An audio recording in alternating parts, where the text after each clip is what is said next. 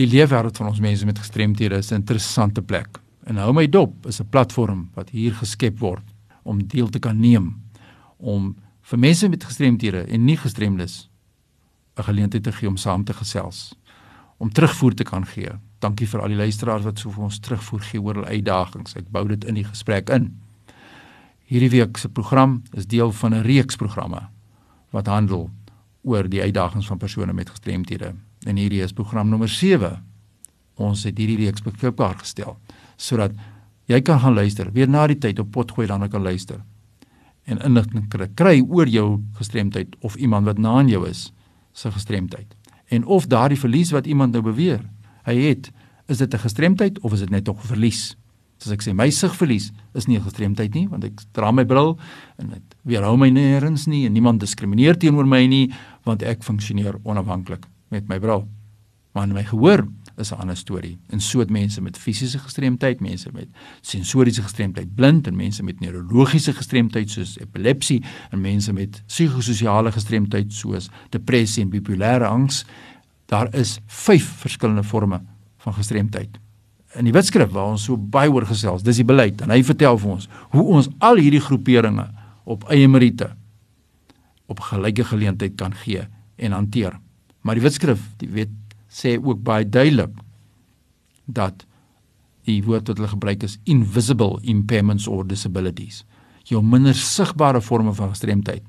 Hulle is die ou en die mense wat nie die nodige aandag kry wat hulle verdien nie. En dit is die mense wat se belange ook na vore gebring word in hierdie beleidstuk, die wetskrif oor die regte van persone met gestremthede. Hier staan invisible impairments, psychosocial, neurological, sensory and intellectual often lead to persons with disabilities not having access to affirmative action, social security, and assistance benefits as they are not easily identifiable. So hierdie vier wat minder sigbaar is, suig in die agterspeen by wyse van spreuke. En dit is so in die praktyk. Ons kom by hotelle dan vra ons vir die mense, is julle plek toeganklik? Sê hulle ja, ja, ja, ja, ja, die plek is toeganklik, baie toeganklik. Sê ons, wat is toeganklik? Wat verstaan julle onder toeganklikheid?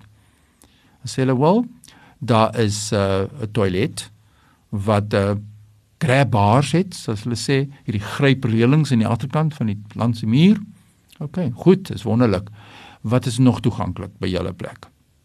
Ja, daar's parkering, jy kan voor die plek staan, daar's genoeg wyd parkering vir persone met gestremthede, nie 'n gestremde parkering nie, want ek weet nie hoe kan 'n parkering gestremd raak nie.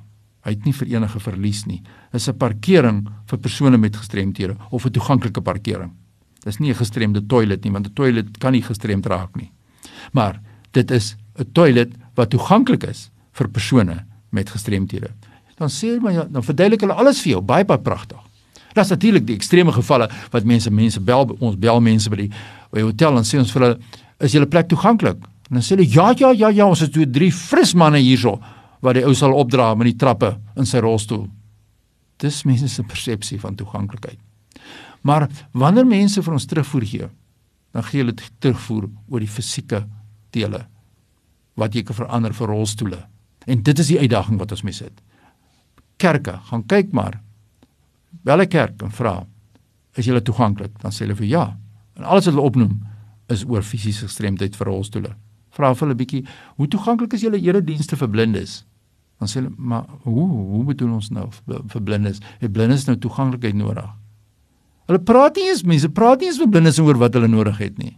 En as jy vra vir gehoor gestremdes sê hulle wat wil hulle nou nodig jong O ja, ja, aan die ou dae wanneer die mense daar voor in die ros, ag voor die kerk en voor die preekstoel gesit het met sulke foontjies in hulle ore of hulle optel sulke telefoontjies. Dis dis is som totaal van mense se denkrigting rondom die verskillende forme van gestremdheid. Nou sê ek weer omdat ons mekaar nie ken nie, omdat ons nie met mekaar praat nie, omdat ons nie die belangstelling geprikkel en sê maar daar's nie net rolstoelgebruikers nie, daar is mense wat doof is, daar's mense wat blind is, daar's mense wat epilepsie het, daar's mense wat bipolêre angsversteurings het, daar's mense wat verskeie rede forme van gestremdheid het. Maar ons maak nie vir hulle voorsiening nie. Ons weet nie eers wat hulle behoeftes is nie. En indien jy belangstel in so 'n kursus, ons bied kursusse aan in hierdie gebied om mense op te lei oor hoe om gestremdheid te verstaan in die praktyk. Maar belangrik jou invisible impairments moet ook in ag geneem word in terme van die wetskrif. So dit is nie aanbevelingswaardig om net op een gestremdheid dan te fokus nie. So as jy iemand is wat worstel met jou gestremdheid en jy voel maar mense besef nie eers dit is 'n gestremdheid nie of ek weet self nie eers is hierdie toestand of siekte wat ek nou het is dit 'n gestremdheid nie want gestremdheid is nie 'n siekte toestand nie. Meningitis wat mense baie keer na verwys as mens kyk nou na na gehoorsensories is 'n siekte toestand. Spierdistrofie is 'n siekte toestand. Dit is nie 'n gestremdheid nie, maar dit lei tot 'n vorm van gestremdheid, 'n vorm van verlies. So spierdistrofie lei tot 'n fisieke verlies en dit kan dan lei dat daardie persoon fisiek gestremd word omdat hy 'n rolstoel miskien moet gebruik of 'n loopraam moet gebruik om te kan oor die weg kom, maar hy kan nie binne gebou gaan nie, soos ek in vorige programme al herhaaldelik gesê het, omdat daar nie opritte is nie, daar's nie huisbakke nie.